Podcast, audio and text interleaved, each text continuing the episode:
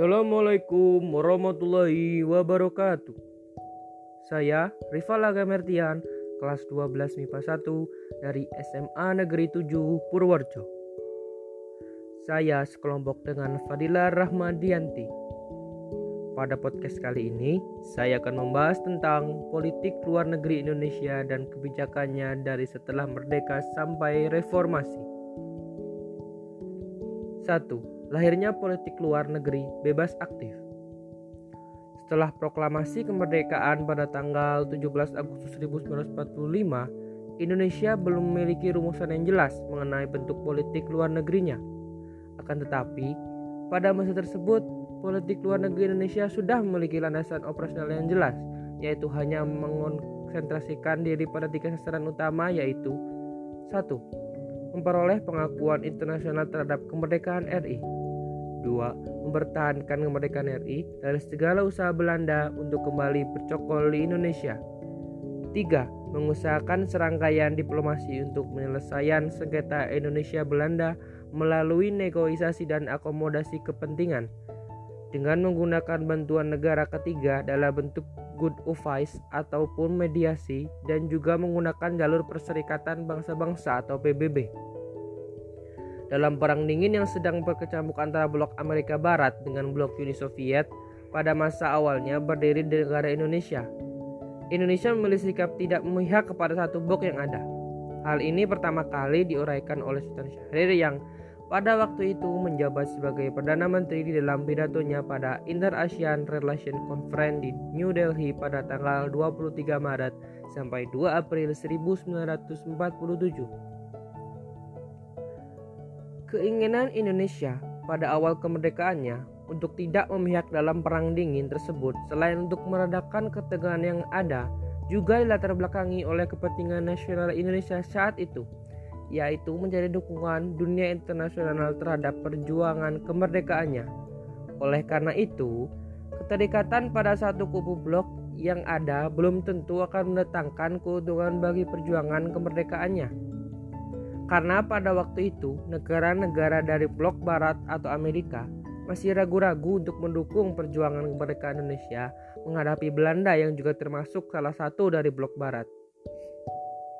Secara resmi, politik luar negeri Indonesia baru mendapatkan bentuknya pada saat Wakil Presiden Muhammad Hatta memberikan keterangannya kepada BP KNIP atau Badan Pekerja Komite Nasional Indonesia Pusat mengenai kedudukan politik Indonesia pada bulan September 1948. Pada saat itu, Muhatta mengatakan bahwa tetapi mestikah kita bangsa Indonesia yang perjuangkan kemerdekaan bangsa dan negara kita harus memilih antara pro Rusia atau pro Amerika? Apakah tidak ada pendirian yang lain yang harus kita ambil dalam mengejar cita-cita kita? Pemerintahan berpendapat bahwa pendirian yang harus kita ambil ialah supaya kita jangan menjadi objek dalam pertarungan politik internasional. Melainkan kita harus menjadi subjek yang berhak menentukan sikap kita sendiri, berhak memperjuangkan tujuan kita sendiri, yaitu Indonesia merdeka seluruhnya. Dari pertanyaan Muhammad Hatta tersebut, jelas terlihat bahwa Indonesia berkeinginan untuk tidak salah satu blok yang pada saat itu. Tetapi walau Indonesia memilih untuk tidak memihak kepada salah satu blok yang ada, hal itu tidak berarti Indonesia berniat untuk menciptakan blok baru. Karena itu, menurut Hatta, Indonesia juga tidak bersedia mengadakan atau ikut campur dalam suatu blok ketiga yang dimaksud oleh mengimbangi besi kedua blok raksasa itu. Politik luar negeri RI yang bebas dan aktif itu dapat diartikan sebagai kebijaksanaan dan tindakan-tindakan yang diambil sengaja dan tidak diambil oleh pemerintah dalam hubungannya dengan negara-negara asing atau organisasi-organisasi internasional dan regional yang diarahkan untuk tercapainya tujuan nasional bangsa. Politik luar negeri bebas aktif ini inilah yang kemudian menjadi prinsip dalam pelaksanaan politik luar negeri Indonesia pada masa pemerintahan selanjutnya. Kedua, politik luar negeri Indonesia masa demokrasi parlementer 1950 sampai 1959. Prioritas politik luar negeri dan diplomasi Indonesia pasca kemerdekaan hingga tahun 1950-an lebih ditujukan untuk menentang segala macam bentuk penjajahan di atas dunia, termasuk juga memperoleh pengakuan internasional atas proses dekolonisasi yang belum selesai di Indonesia dan menciptakan perdamaian ketertiban dunia melalui politik bebas aktifnya. Sejak pertengahan tahun 1950-an, Indonesia telah memperkerasai dan mengambil sejumlah kebijakan luar negeri yang sangat penting dan monumental seperti Konferensi Asia Afrika di Bandung pada tahun 1955. Konsep politik luar negeri Indonesia yang bebas aktif merupakan suatu gambaran dan usaha Indonesia untuk membentuk terwujudnya perdamaian dunia. Salah satu implementasinya adalah keikutsertaan Indonesia dalam membentuk solidaritas bangsa-bangsa yang baru, merdeka dalam forum gerakan non-blok atau GNB atau Non-Alignment Movement atau NAM. Forum ini merupakan refleksi atas terbaginya dunia menjadi dua kekuatan besar, yaitu blok barat atau Amerika Serikat dan blok timur atau Uni Soviet. Ketiga, politik luar negeri Indonesia masa demokrasi terpimpin.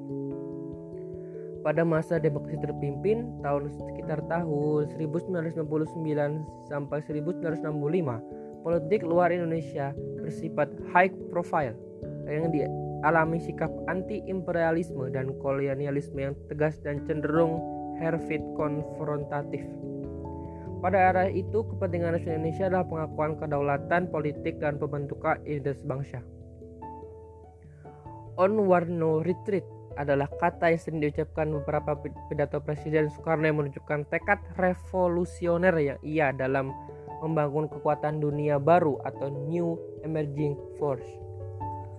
Dalam mempromosikan Indonesia ke dunia internasional, Presiden Soekarno juga menunjukkan bahwa dia mendapat dukungan dari seluruh lapisan masyarakat yang tercermin dari Nasakom atau nasionalis, agama, dan komunis yang menjadi jiwa bangsa Indonesia yang diperhitungkan dapat menjadi satu tekanan nasakom atau jiwaku. Politik luar negeri pada masa demokrasi terpimpin juga ditandai dengan usaha keras Presiden Soekarno membuat Indonesia semakin dikenal dunia internasional melalui beragam konferensi internasional yang diadakan maupun diikuti Indonesia. Tujuan awal dari dikenalnya Indonesia adalah menjadi dukungan atas usaha dan perjuangan Indonesia merebut dan mempertahankan Irian Barat namun, sering berjalannya waktu, status dan prestige menjadi faktor-faktor pendorong semakin gencar Soekarno melakukan aktivitas politik luar negeri ini. Presiden Soekarno memperkenalkan doktrin politik baru berkaitan dengan sifat konfrontasi penuhnya terhadap imperialisme dan kolonialisme doktrin itu mengatakan bahwa Indonesia terbagi dalam dua blok yaitu Old Fox atau Ost Established Force dan NEVOS atau New Emerging Force. Dalam upayanya mengembangkan NEVOS, Presiden Soekarno melaksanakan politik mercusuar bahwa Indonesia merupakan mercusuar yang mampu menerangi jalan bagi NEVOS di seluruh dunia. Salah satu tindakan usaha yang menguatkan eksistensi Indonesia dan Nevos juga dapat dilihat dari pembentukan poros Jakarta sampai Peking yang membuat Indonesia semakin dekat dengan negara-negara sosialis dan komunis seperti Cina. Nomor 4, politik luar negeri Indonesia pada masa Orde Baru. Pada masa awal Orde Baru terjadi perubahan pada pola hubungan luar negeri Indonesia dalam segala bidang pada masa pemerintahan Soeharto, Indonesia lebih memfokus pada pembangunan sektor ekonomi. Pembangunan ekonomi tidak dapat dilaksanakan secara baik tanpa adanya stabilitas politik keamanan dalam negeri maupun di tingkat regional. Tujuan utama politik luar negeri Soeharto pada awal penerapan New Order atau tatanan baru adalah untuk membolisasi sumber dana internasional demi membantu rehabilitasi ekonomi negara dan pembangunan, serta untuk menjamin lingkungan regional yang aman yang memudahkan Indonesia untuk berkontestasi pada agenda domestiknya. Berikut pernyataan Presiden Soeharto mengenai politik luar negeri Indonesia yang bebas aktif. Bagi Indonesia, politik luar negerinya yang berprinsip non-blok tidak identik dengan tidak adanya keterlibatan Itulah alasannya mengapa Indonesia lebih suka mengatakannya sebagai politik luar negeri yang bebas dan aktif karena politik luar negeri kita tidak hampa, mati, ataupun tidak berjalan. Politik luar negeri Indonesia adalah bebas, di mana Indonesia bebas dari ikatan apa pun juga, baik itu dalam secara militer, politik, ataupun secara ideologis bahwa Indonesia benar-benar terbebas dari berbagai masalah atau peristiwa dengan tidak adanya pengaruh dari pihak mana pun, baik secara militer, politis, ataupun secara ideologis. Seperti yang telah disebutkan sebelumnya, dalam bidang politik luar negeri, kebijakan politik luar negeri Indonesia lebih menaruh perhatian khusus terhadap soal regionalisme Para pemimpin Indonesia menyadari pentingnya stabilitas regional akan dapat menjamin keberhasilan rencana pembangunan Indonesia. Selanjutnya, Indonesia juga terlibat membentuk organisasi ASEAN bersama dengan Singapura, Malaysia, Thailand, Filipina. Indonesia memainkan peran utama dalam pembentukan organisasi ASEAN. ASEAN itu merupakan wadah bagi politik luar negeri Indonesia Kerjasama ASEAN dipandang sebagai bagian terpenting dari kebijakan luar negeri Indonesia. Ada kesamaan kepentingan nasional antara negara-negara anggota ASEAN, yaitu pembangunan ekonomi dan sikap non-komunis. Dengan demikian, stabilitas negara-negara anggota ASEAN bagi kepentingan nasional Indonesia sendiri sangatlah penting. Kepemimpinan Soeharto secara umum mempunyai karakteristik yang berbeda dengan pendahulunya.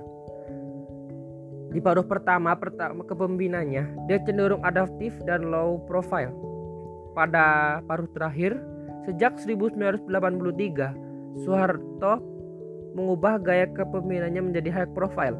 Gaya yang tersebut mempengaruhi pilihan-pilihan politik luar negerinya yang pada kenyataannya tidak dapat dilepaskan pada kondisi politik, ekonomi, dan keamanan dalam negeri Indonesia. Dengan nilai menyejahterakan bangsa, Soeharto mengambil gaya represif atau di dalam negeri dan akomodatif atau di luar negeri. 5. Politik luar negeri Indonesia era reformasi. Pada masa awal reformasi yang dimulai oleh pemerintahan PJ Habibie, pemerintahan Habibie disibukkan dengan usaha memperbaiki citra Indonesia di kancah internasional yang sangat terpuruk sebagai dampak krisis ekonomi di akhir era Orde Baru dan kerusuhan pasca jejak pendapat di Timur Timur. Lewat usaha kerasnya, Presiden Habibie berhasil menarik simpati dari Dana Moneter Internasional dan Bank Dunia untuk mencairkan program bantuan untuk mengatasi krisis ekonomi. Presiden Habibie juga menunjukkan cara berdemokrasi yang baik dengan memilih tidak mau dicalonkan lagi menjadi presiden setelah pertanggungjawabannya ditolak oleh MPR RI. Pada masa pemerintahan Presiden Abdurrahman Wahid, hubungan RI dengan negara-negara barat mengalami sedikit masalah setelah lepasnya Timur Timur dari NKRI. Presiden Wahid memiliki cita-cita mengembalikan cita Indonesia di mata internasional. Untuk itu, beliau banyak melakukan kunjungan kenegaraan ke luar negeri. Dalam setiap kunjungan luar negeri yang ekstensif, selama masa pemerintahan yang singkat Presiden Wahid secara konstan mengangkat isu-isu domestik dalam setiap pertemuannya dengan setiap kepala negara yang dikunjunginya setelah Presiden Abdurrahman Wahid turun dari jabatannya, Megawati dilantik menjadi presiden pertama di Indonesia pada tanggal 23 Juli 2001. Pada awal pemerintahannya, suasana politik dan keamanan dalam negeri menjadi agak lebih kondusif. Situasi ekonomi Indonesia mulai membaik, diantarai dengan nilai rupiah yang stabil. Pada pemilihan umum tahun 2004 yang merupakan pemilihan presiden secara langsung oleh masyarakat, SBY atau Susilo Bambang Yudhoyono terpilih menjadi presiden mengalahkan Megawati. Ia dilantik menjadi Presiden Republik Indonesia ke-6 pada 20 Oktober 2004. Selama era kepemimpinan, SBY berhasil mengubah cita Indonesia dan menarik banyak investasi asing dengan menjalin berbagai kerjasama dengan banyak negara masa pemerintahannya. Nah, itu semua adalah politik luar negeri Indonesia kebijakannya dari setelah merdeka sampai reformasi. Sekian pembahasan dari podcast ini. Jika banyak kekurangan, saya mohon maaf. Jangan lupa jaga jarak dan selalu mematuhi protokol kesehatan. Sekian, wassalamualaikum warahmatullahi wabarakatuh.